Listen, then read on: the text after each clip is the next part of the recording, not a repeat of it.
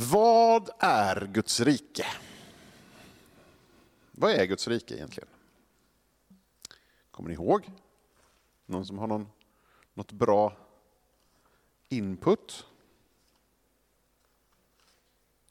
Vi har ju, evigheten säger Fredrik, det är sant. Guds rike består ju i evighet och kommer aldrig att försvinna. Vi har pratat om det här under en längre stund och haft det här som tema nu för, för gudstjänsten, eller för bibel, bibelsöndagarna under nästan ett års tid. Kanske längre än så. Vi har pratat om Guds rike. Vad är Guds rike egentligen? Hur ska vi se det? Hur ska vi förstå det? Vad är det som är, vad är, det som är centralt för oss att leva i Guds riket? Och Den här söndagens tema heter Guds rike är kraft och liv baserar sig på första Korintierbrevet 4 och 20 och Romarbrevet 14 och 17 som båda talar om de här sakerna. Men vi har ofta svårt att förstå och ta till oss Guds rike. Om du har varit med här förut så kanske du kommer ihåg, om du inte har hunnit glömma bort det redan, och det gör ingenting om du har gjort det, då kan du lyssna, gå tillbaka och lyssna igen. Att vi har pratat om att Guds rike, när det talas om Guds rike i Bibeln så använder bibeltexten det grekiska ordet basileia. Basileia betyder konungslig makt. Eller det närmaste svenska direktöversättande ordet vi har är kungadöme. Inte kungarike, för då tänker vi oftast på ett landområde, själva landet, nationen, utan kungadöme. Engelskans ord kingdom är en direktöversättning av basileia. Det vill säga den domsaga, den inflytelsesfär, det maktområde över vilken en monark härskar med oinskränkt makt. Kungadömet är där kungen håller dom. Där är kungens ord lag, om man är en sån kung som är allsmäktig. vi har ju haft mänskliga så att säga, allvåldshärskare, kungar, mänskliga kungar som härskat med absolut makt, en monark. Kung av Guds nåde, sa man på den tiden när det begav sig.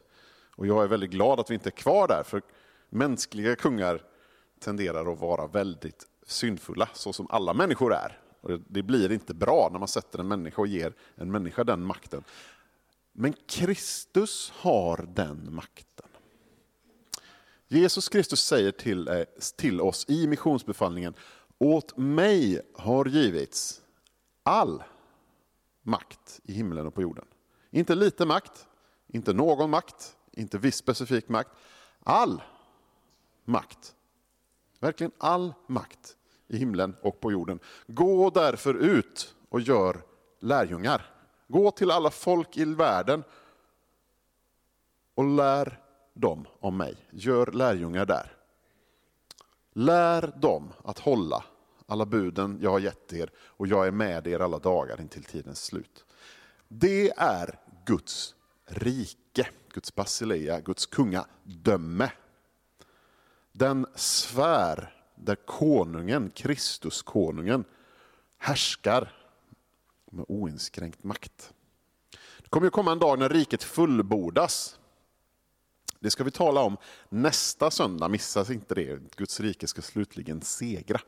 Ska vi tala om ändens tid, ni som har efterfrågat den undervisningen, det är några som har frågat, liksom, kan vi inte prata om ändens tid, vi befinner oss i den yttersta tiden och allt sånt där. Det kommer nästa gång. Men det kommer ju komma en dag när Guds rike tränger undan alla andra riken. Men idag så lever ju Guds rike parallellt med att det finns andra kungadömen. Inte nödvändigtvis styrda av en kung, det kan ju lika gärna vara ett, ett, en inflytelsesfär under någon annan härskare, men det finns makter och inflytanden och despoter och myndigheter som står så att säga ibland direkt emot Guds rike, men ibland också parallellt med Guds rike. Vi har liksom en mänsklig maktordning. Så att den där allmakten som Kristus har blivit given, den är inte alltid i, i helt fullt aktivt bruk på så sätt att han dikterar allt som sker. Utan det finns en period från det att Jesus steg upp till himmelen tills dess att han kommer tillbaka, som är nådens tid, församlingens tid, kyrkans tid, där evangeliet om just riket ska förkunnas för alla folk. Sen ska änden komma. Men evangeliet om Guds rike ska gå ut till alla folk i världen. Alla ska få höra evangeliet om riket. Och när Jesus talade om det här med sina samtida, när han stod och predikade och förkunnade evangeliet om riket, så fattade folk noll. Det kan ni läsa om i, när ni läser liksom evangelierna. Så, så ser man nästan mellan raderna hur folk liksom får ett stort frågetecken i ansiktet när han talar om det här riket som inte är som alla andra riken. Alltså de, de väntade sig ju en Messias som skulle vara precis likadan som en mänsklig kung är. En erövrare som skulle upprätta Israels folk som nation på jorden och vara ett kungadöme under en stark Messias-ledare som skulle kasta av sig slaveriets ok och göra revolution mot romarna och liksom ta över världen. Det var vad de hade för bild utifrån profetiorna i Gamla Testamentet och, så där, vad man hade, och hur man hade blivit undervisad och vad man hade hört. Och så där. Det här är, när Messias kommer, då kommer det bli ett kungadöme. Och så kommer Messias och så säger han någonting helt annat, att Guds rike är inte av den här världen. Guds rike kommer inte med en sån makt att människor kan se det. Guds rike är av en annat slag, säger Jesus. Och det går så långt så att stora folkskaror på påskdagen står och vrålar korsfäst, korsfäst, korsfäst. För att de vände om och hatade sin Messias för att han inte uppfyllde det de förväntade sig av honom. För det var ju så. Det var ju inte romarna som stod och ropade korsfäst. Det var ju det judiska folket under sina religiösa ledare på påskdagen som vrålade om att Jesus skulle korsfästas. Till och med så långt så att Pilatus frågade flera gånger, ska ni verkligen korsfästa judarnas kung? Och översteprästerna äggar upp folket och liksom, bort med honom. Just för att de inte förstod, just för att man inte greppade det här med vad är Guds rike egentligen.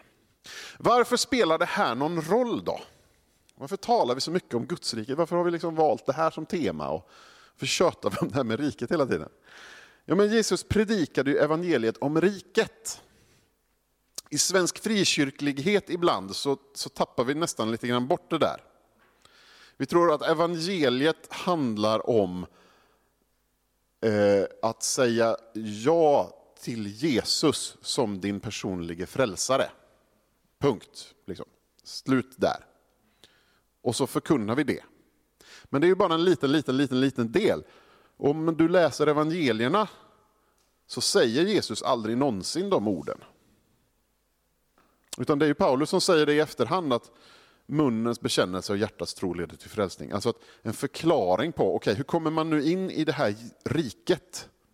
Hur blir man en del av det här riket som Jesus talade om? Jo, man bekänner Jesus som sin Herre, tar emot honom i sitt hjärta, väljer att tro på honom så blir man rättfärdiggjord av tron, då blir man en medborgare i riket. Men det Jesus förkunnade och predikade om, det var ju evangeliet, att Guds rike är nu här. Eller hur? Det var ju faktiskt det budskapet han kom med.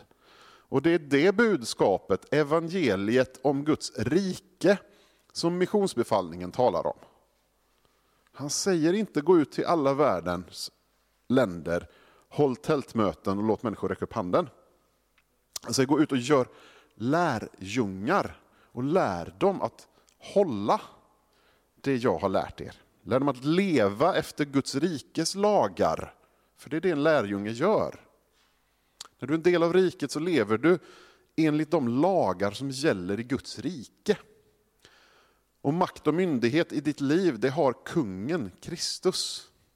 Du underordnar dig honom och hans auktoritet över alla andra lagar. Du tillhör liksom inte den här världen längre. Och ska vi nu leva ut det här riket, ja då lär vi veta vad det är för något. Det är därför det här är viktigt, det är därför vi har valt att liksom trumma in det här budskapet om Guds rike nu när det gäller bibelsöndagarna. Just för att det är det vi kallar det att leva. Det är det här som är liksom kärnan i Kristuslivet. Och då ska vi börja med Guds rike är kraft. Första Korintierbrevet 4 och 20. Har du en bibel så får du gärna slå upp den, annars så läser jag det för dig. Eller jag läser det för dig ändå, men kan gärna följa med i din bibel om du har den. På telefonen eller i pappersform eller på något annat sätt. Första Korintierbrevet, efter Romarbrevet, före andra Korintierbrevet. Nu ska vi se.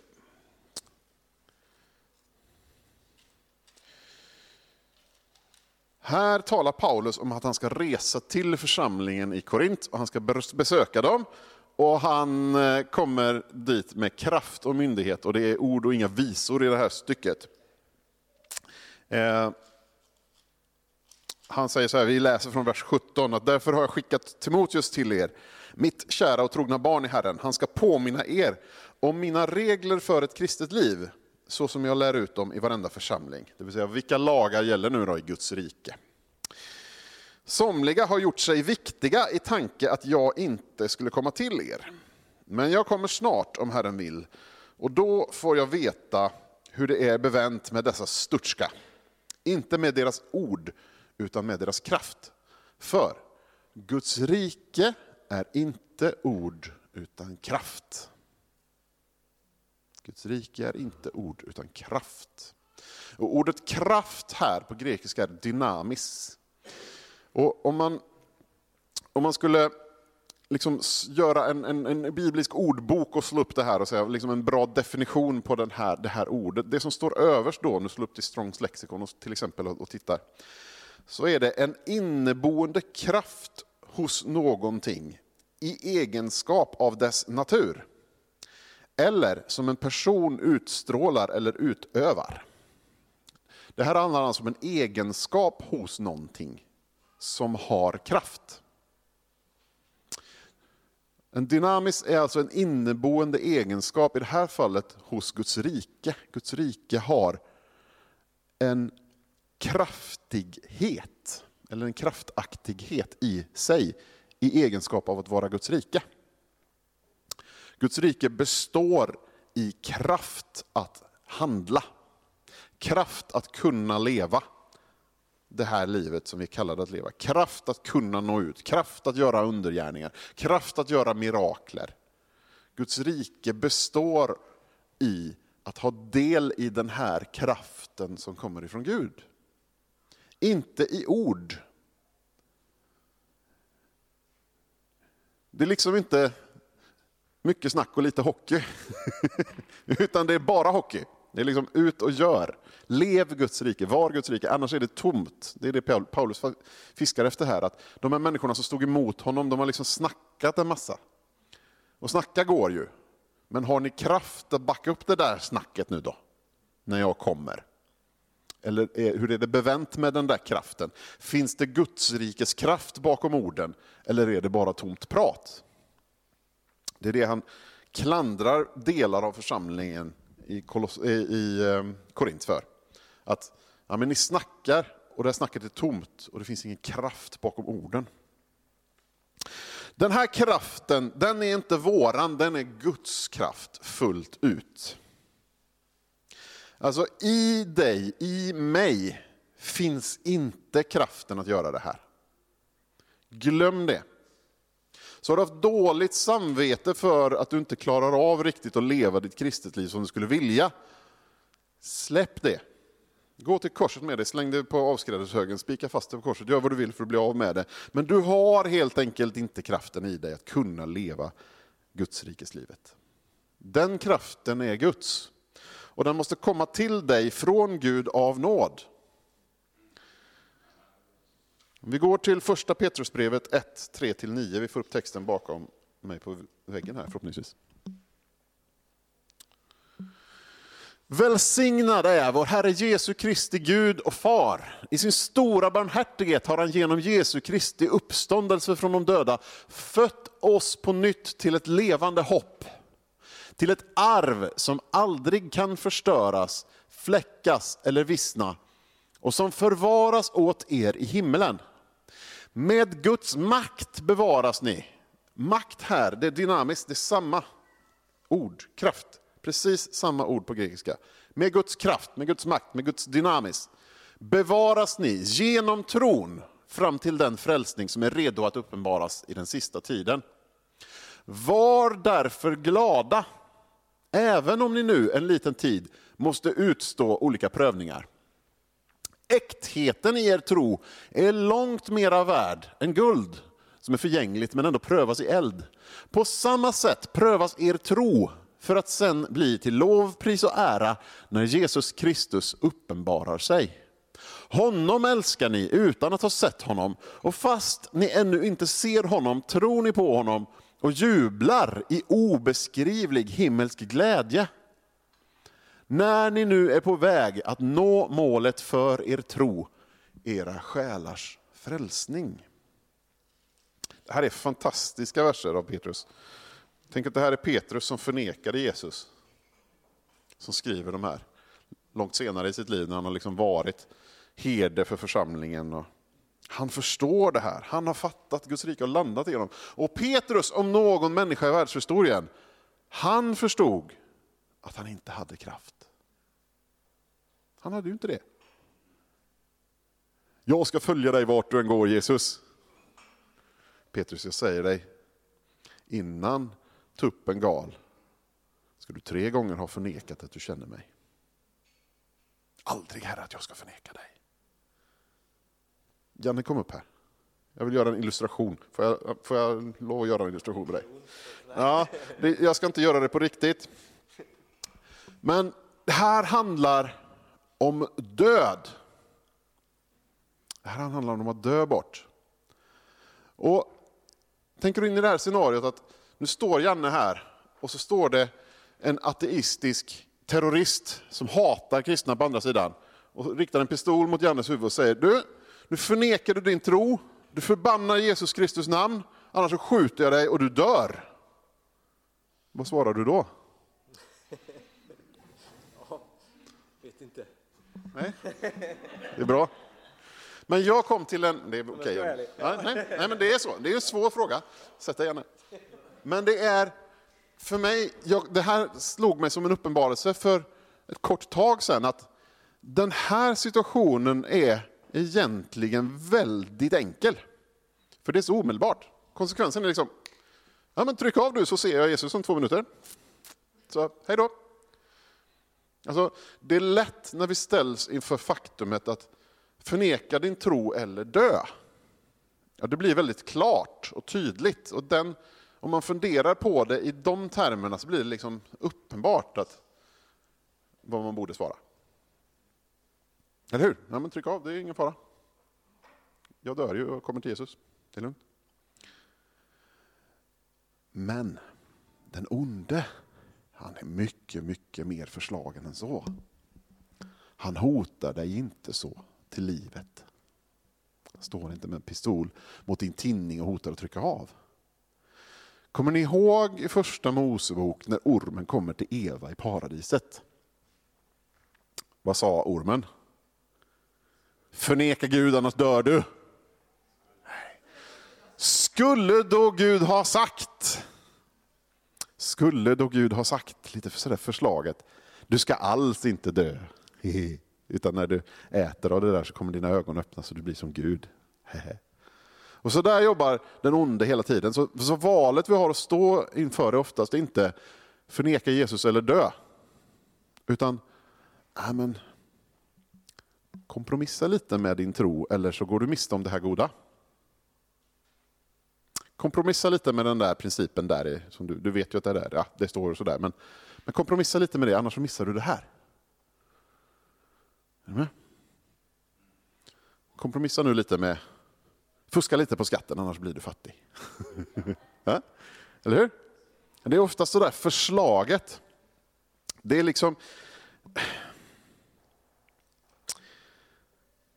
Det är så subtilt och så lurigt att vi ställs aldrig riktigt inför det där förneka Jesus eller dö, utan kompromissa lite med din tro. Eller så missar du någonting som i sig är gott. Vi går till Jakobsbrevet 1, 12-19. Salig är den som håller ut i prövningen. För när han har bestått provet ska han få livets krona som Gud har lovat dem som älskar honom. Ingen som blir frestad ska säga, det är Gud som frestar mig. Gud frestas inte av det onda och frestar heller inte någon. Var och en som frestas dras och lockas av sitt eget begär. När sedan begäret har blivit havande föder det synd och när synden är fullmogen föder den död. Bedra inte er själva, mina älskade bröder. Allt det goda vi får och varje fullkomlig gåva är från ovan. Kommer ner ifrån ljusens fader som inte förändras eller växlar mellan ljus och mörker. I kraft, dynamiskt igen, av sin vilja har han fött oss på nytt genom sanningens ord till att vara en förstlingsfrukt bland dem som han har skapat. Detta vet ni mina älskade bröder. Varje människa ska vara snar att höra, sen att tala och sen till vrede. Återigen, Guds kraft är det som gör det här verket i oss. Allt gott kommer ifrån Gud. Så om du har någon grad av helgelse i ditt liv, är det inte på grund av att du är duktig, utan att Gud verkar i dig med sin kraft. Om du har någon grad av bestående tro i ditt liv, så är det inte för att du är stark och kämpar på, utan för att Gud uppehåller dig med sin kraft.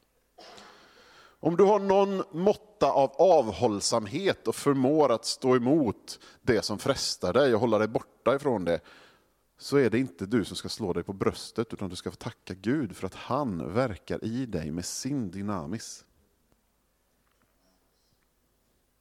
Allt det här kommer ifrån Gud. Och därför har inte jag någon som helst rätt att sätta sätta mig till doms över dig. För att om jag har, misslyck- om jag har lyckats med någonting som du har misslyckats med, så är det nåd över mig. Om jag har fått någon kraft att kunna stå emot någon prövning, så är det Guds dynamis som verkar i mig i nåd. Visst, vi är delaktiga. Vi kan blockera flödet av Guds nåd genom att vara obstinata och liksom välja att stå emot och sådär. Men i den mån vi faktiskt har någon motståndskraft mot synd och den här världens ondska, så kommer den från Gud, från ovan, från himlaljusets fader. Hos ingen växling finns mellan mörker och ljus. Döm inte, sätt dig inte till doms, därför att det, har du, det du har fått har blivit dig givet av nåd. Och omvänt, döm inte dig själv på det sättet. Alltså, du ska döma dig själv när du upptäcker att du har synd i ditt liv. Upptäcker att det här är inte är i enlighet med Guds rikes principer. Då måste du vara ärlig med dig själv och säga, det här Fader behöver jag hjälp med. Det här är inte rätt, det här vill jag bli av med, det här måste dö bort. Men slå inte ner dig själv och säga, jag är så, jag är så orättfärdig, jag är så hemsk, jag är så misslyckad som människa för att jag har det här i mig. Du är inte mer misslyckad än någon annan människa, för alla har vi det här i oss. Men vi kan öppna upp, be om Guds kraft. att Herre hjälp mig, kom med din kraft, din dynamis, din underverkande kraft i mig. Det här som jag har i mig, som jag inte vill ha, det väljer jag att, att liksom släppa taget om, lämna till dig och så ber jag om din kraft att klara av att göra annorlunda. Och tillbaka till den här situationen när du liksom har en pistol mot tinningen, förneka Jesus eller så dör du. Om du mediterar på den situationen en liten stund och kommer fram till att ja, men i det fallet så det, det, hade varit, det hade varit rätt. Min tro håller att dö på. Den dag, för du inser ju att du kommer att dö, eller hur? Alltså någon dag kommer du, du kommer inte leva här, i den här på den här planeten, i den här kroppen du har nu i evighet. Utan du måste dö först. Sen kommer du till himlen. Sen möter du Jesus och så ger han dig en ny kropp så småningom vid, vid uppståndelsen när Jesus kommer tillbaka. Men innan dess så ska du ju dö, eller hur? Det är det enda du kan vara 100% säker på. Du kommer att dö. Sorry, jag har dåliga nyheter. Men, men, men är, jag kan garantera att du kommer att dö. Om inte möjligtvis Jesus kommer tillbaka imorgon, ja precis, då ska du inte dö, då ska du förvandlas. Eh, så möjligen, möjligen då, med undantag för att Jesus kommer tillbaka, då ska vi alla förvandlas, men annars så kommer du att dö. Eller hur? Om du förlikar dig med det redan nu, i din tanke, och så ställer du dig frågan, håller nu min tro att dö på? När jag nu står på den där dagen, den yttersta dagen i mitt jordiska liv, håller min tro att dö på? Tror jag att när jag sluter mina ögon för sista gången och öppnar dem igen så ser jag Jesus ansikte mot ansikte? Ja, då spelar ju ingen annan någon roll. Vad spelar det för roll om du är sjuk eller har ont eller är fattig eller rik eller bli frestad eller... Alltså det spelar ju ingen roll alls. Om nu tron håller att dö på, då kan du ju bestämma dig redan idag för den här situationen. Den har redan hänt. Kötsligt sett, mänskligt sett, i mig själv är jag redan död. Jag har redan stått inför det där valet. Förneka Kristus, förbanna Jesu namn eller dö. Nej, jag vägrar. Du får trycka av. Jag flyttar hem. Bra. Färdig med den. Och då kan du börja leva i Kristus. Det här är en oerhörd skillnad. För att om du lever lite grann i Kristus och lite grann i köttet, då blir det väldigt, väldigt jobbigt. För det där köttet det liksom river och sliter med oss hela tiden. Och Det är därför Bibeln talar som den gör om att vi måste dö bort från oss själva. Den som mister sitt liv ska finna det. Och Det innebär ju att du liksom, varje situation du ställs inför, när ormen börjar viska, skulle då Gud ha sagt? Så drar du dig till minnes den där, nej men jag är ju död. Det där som ormen viskar om, det, det viskar han ju till en död människa. Det har ju ingen bäring på vem jag är i Kristus. Den där personen är ju död. Och då kommer vi till den andra delen. Guds rike är liv. Nu har vi talat om att Guds rike är kraft. Nu kommer vi in i att Guds rike är liv. Romarbrevet 14 och 17. Romarbrevet 14 och 17. Ska vi se. Här är vi mitt i ett stycke när Paulus talar till församlingen i Rom i sitt brev om eh, regler för mat och dryck. Så det är sammanhanget, kontexten. Och då säger han att Guds rike är inte mat och dryck utan rättfärdighet och frid och glädje i den helige Ande. Han beskriver levnadskvaliteten i Guds rike. Hur det är hur är det att leva i Guds rike? Det består inte i att du äter vissa saker och inte äter andra saker. Det består inte i regler som du ska hålla dig till eller hålla dig ifrån. Det består inte i religion, det består inte i att du ska göra saker för att vara rätt. Vi håller på nu i bibelstudiegrupp hemma hos mig, träffas varje torsdag, att gå igenom romarbrevet vers för vers. Genom hela romarbrevet. Det är en fantastisk resa. Alltså det är så enormt mycket gott som vi har fått oss givet. Romarbrevet brukar kallas för Bibelns Himalaya. Och då säger man att, att, att Romarbrevet 8 är Mount Everest. Så där kan man klättra upp och få syrebrist om man, man håller sig för länge. Man får, liksom, man får ödmjuka sig lite inför att det finns saker vi inte alltid kan greppa helt fullt ut med vårt förstånd. Men Romarbrevet är ett fantastiskt eh, bibelstycke att, att tugga på under lång tid. Och det här leder till liv. Alltså att få nåden att kunna gå igenom och, och studera den här bibeltexten, det leder till andligt liv. Och det han säger här är att Guds rike består i rättfärdighet. Rättfärdighet, rättfärdighet betyder att du är rätt helt enkelt.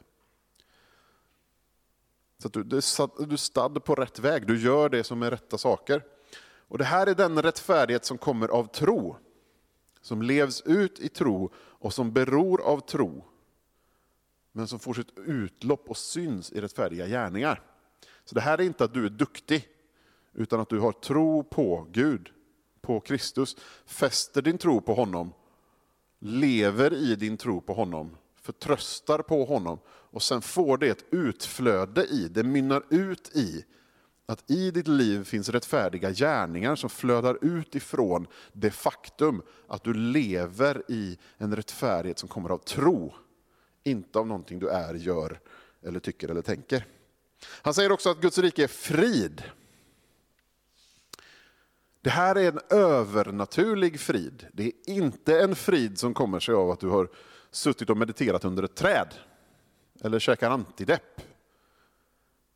Eller har tagit en lång sommarsemester. Det är en övernaturlig frid som kommer trots alla omständigheter. En övernaturlig frid som Kristus ger. Han säger i avskedstalet till lärjungarna i Johannes 17 så säger han Min frid ger jag er. Den frid som människan Jesus från Nasaret hade i, i, egenskap av att han var Messias, Guds son och var i perfekt harmoni med Guds ande. Den friden ger han oss. Han lämnar oss den friden, den övernaturliga friden som anden ger. Och så består oavsett allting annat. Om du får nåden att ta emot den friden, då spelar det ingen roll hur ditt övriga liv ser ut. Eller hur? För om du har frid, då behöver du ju ingenting. Tänk på det här nu. Är du med mig? Om du är i fullständig frid, förlikad med allting runt omkring dig. Det här är, jag är fridfull, jag är, liksom, jag är tillfreds. Jag är i ett tillstånd av fullkomlig bara frid och äh, det, det är bra. Då spelar det ju ingen roll hur livet är runt omkring. Om du är sjuk, eller ont, eller längtar efter något, eller brist, eller nöd, eller svält, eller nakenhet eller fara, eller vad är det allt Paulus radar upp. Allt det där spelar ju ingen roll om Guds frid kan fylla dig mitt där du är. Jag tror att det finns den övernaturliga friden, en erfarenhet bland, bland bröder och systrar i tron under årtusendena. Att man har liksom kunnat leva i den där friden och kunnat få lov att uthärda saker och ting. Och han säger att Guds rike är glädje. Det är den glädje som finns i den heliga Ande. En glädje som är ren och som strömmar ur ett tacksamt hjärta och som föder kärlek. Den glädjen. Så Guds rike är rättfärdighet, frid och glädje i den heliga Ande. Okej, när, när Petrus höll tal på pingstdagen och den helige Ande föll och församlingen föddes och människor kom till tro och blev frälsta, så ställde de frågan, bröder, vad ska vi göra? Och det kan vi ställa oss frågan nu också. Okej, vad ska vi göra nu då? Nu har vi hört den här. Guds rike är kraft och Guds rike är liv. Vad ska vi göra med det? Det första du ska göra det är att dö. Sorry. Men det finns ingen annan väg för dig. Du ska dö. Bort från köttet, världen.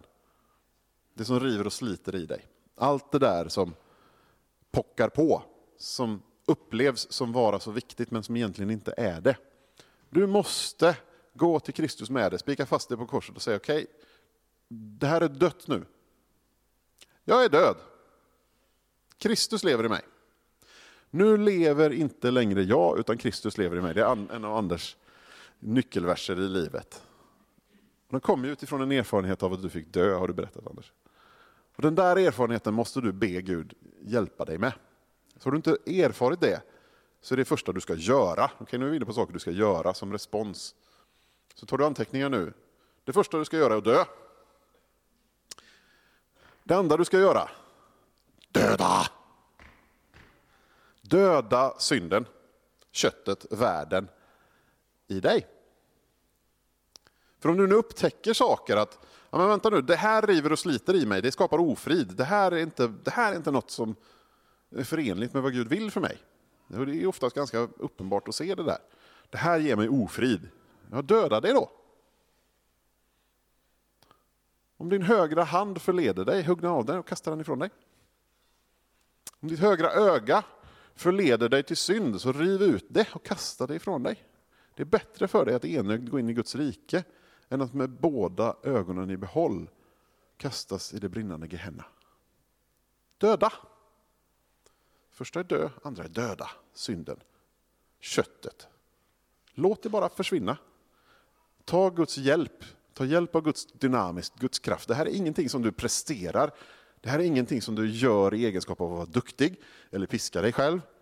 Hör nu en gång till. Det här är ingenting som du gör i egenskap av att du är duktig eller presterar. Utan det här är någonting som du gör i egenskap av att du vill lämna över det till Kristus. Nej, men jag vill inte ha det här längre. Jag vill inte ha det här längre. Det får vara dött nu. Nu får det vara nog. För det finns två synder, det här har ni hört mig säga förut. Det finns två huvudsakliga kardinalsynder. Det är avgudadyrkan och högmod. Avgudadyrkan och högmod. Alla andra synder är underkategorier av någon av de andra. Avgudadyrkan det är ju att sätta någonting annat än Gud på den plats som bara Gud ska ha. När vi tillber någonting annat än Gud eller Gud som någonting annat än den han är.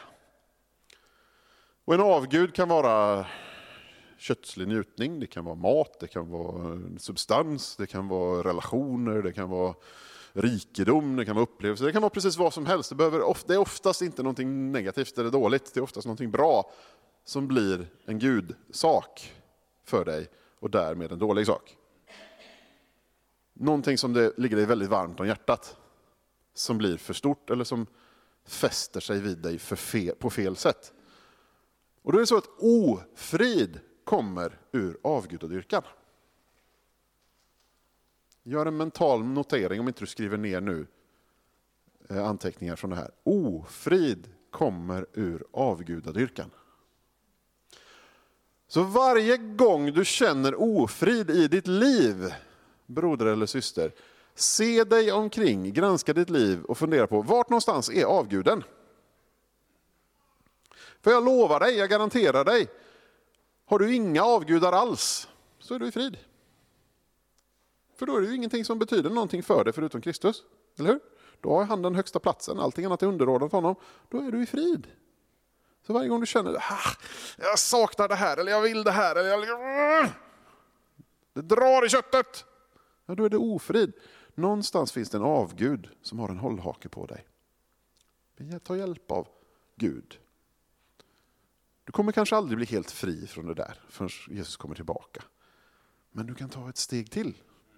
Jag har fullt med ofrid i mitt liv. Usch. Det är mycket sånt där som man får liksom slåss med nästan dagligen. Men har du åtminstone verktygen så kan du fortsätta kämpa den goda kampen. Den andra huvudsynden det är högmod. Högmod är att sätta dig själv på den plats som bara Gud ska ha. Högmod är att tänka högre om sig själv än vad man är. Ja, men jag, är jag är viktig, eller jag är oviktig. Eller, alltså man, jag-centreringen, att sätta sig själv i centrum när egentligen Gud borde vara i centrum. Missnöje kommer ur högmod. Hur kan det vara så? Jo, därför att om du är missnöjd med någonting så beror det på att du tycker att du vet bättre än Gud. Men jag skulle vilja att det var så här. Och så är det inte så. Ja. Då är det så att du tycker, jag tycker att jag borde ha det här. Jag tycker att jag inte borde ha kronisk inflammation i min ländrygg till exempel. Den är lite svår att bli av med, men jag vet i alla fall att det kommer ur ett högmod. Jag tycker att jag vet bättre än Gud. Jag ska vara ärlig nu då. Ja, men jag tycker att jag vet bättre än Gud, för han kan ju hela mig och han, väl, han väljer att låta bli. Jag har full tro på alla sätt och vis på att Gud kan bara knäppa med sina fingrar så har jag en ny rygg. Som inte har det minsta ont överhuvudtaget. Och en, viss, en vacker dag så kommer jag få det när Jesus kommer tillbaka eller jag blir uppväckt på den yttersta dagen. Så kommer jag ha en ny rygg. Men jag skulle vilja ha den nu. Och jag tycker ju att jag vet bättre än Gud att jag faktiskt behöver den här nya ryggen nu. För det här gör ju ont och det är väldigt jobbigt och det är väldigt besvärligt. Jag kan inte gå. Häromdagen fick jag ryggskott av att gå tvärs över eh, korridoren från sovrummet in i badrummet. Jag tycker att det är ganska meningslöst att ha det så. Men Gud vet bättre än jag. Jag får ju böja mig för det. Någonting gör ju att Gud inte väljer att mirakulöst hela mig här och nu. Jag har ingen aning om vad det skulle kunna vara. Jag kommer bli vansinnig om jag försöker spekulera i det, så det tänker jag låta bli. Men jag får böja mig för det faktum att han faktiskt inte har helat mig. Jag kan fortsätta be om det, men om jag ska vara missnöjd med att han inte har gjort det och gnälla och klaga för Gud, då sätter jag ju mig själv över honom. Då säger jag, jag vet bättre än du, se nu till att hela mig. Gör din plikt Gud. Ja, men så kan vi inte säga. Jag måste ju liksom säga, men, hjälp mig att se då vad det är jag behöver se. Hjälp mig att gå igenom det här jag behöver gå igenom.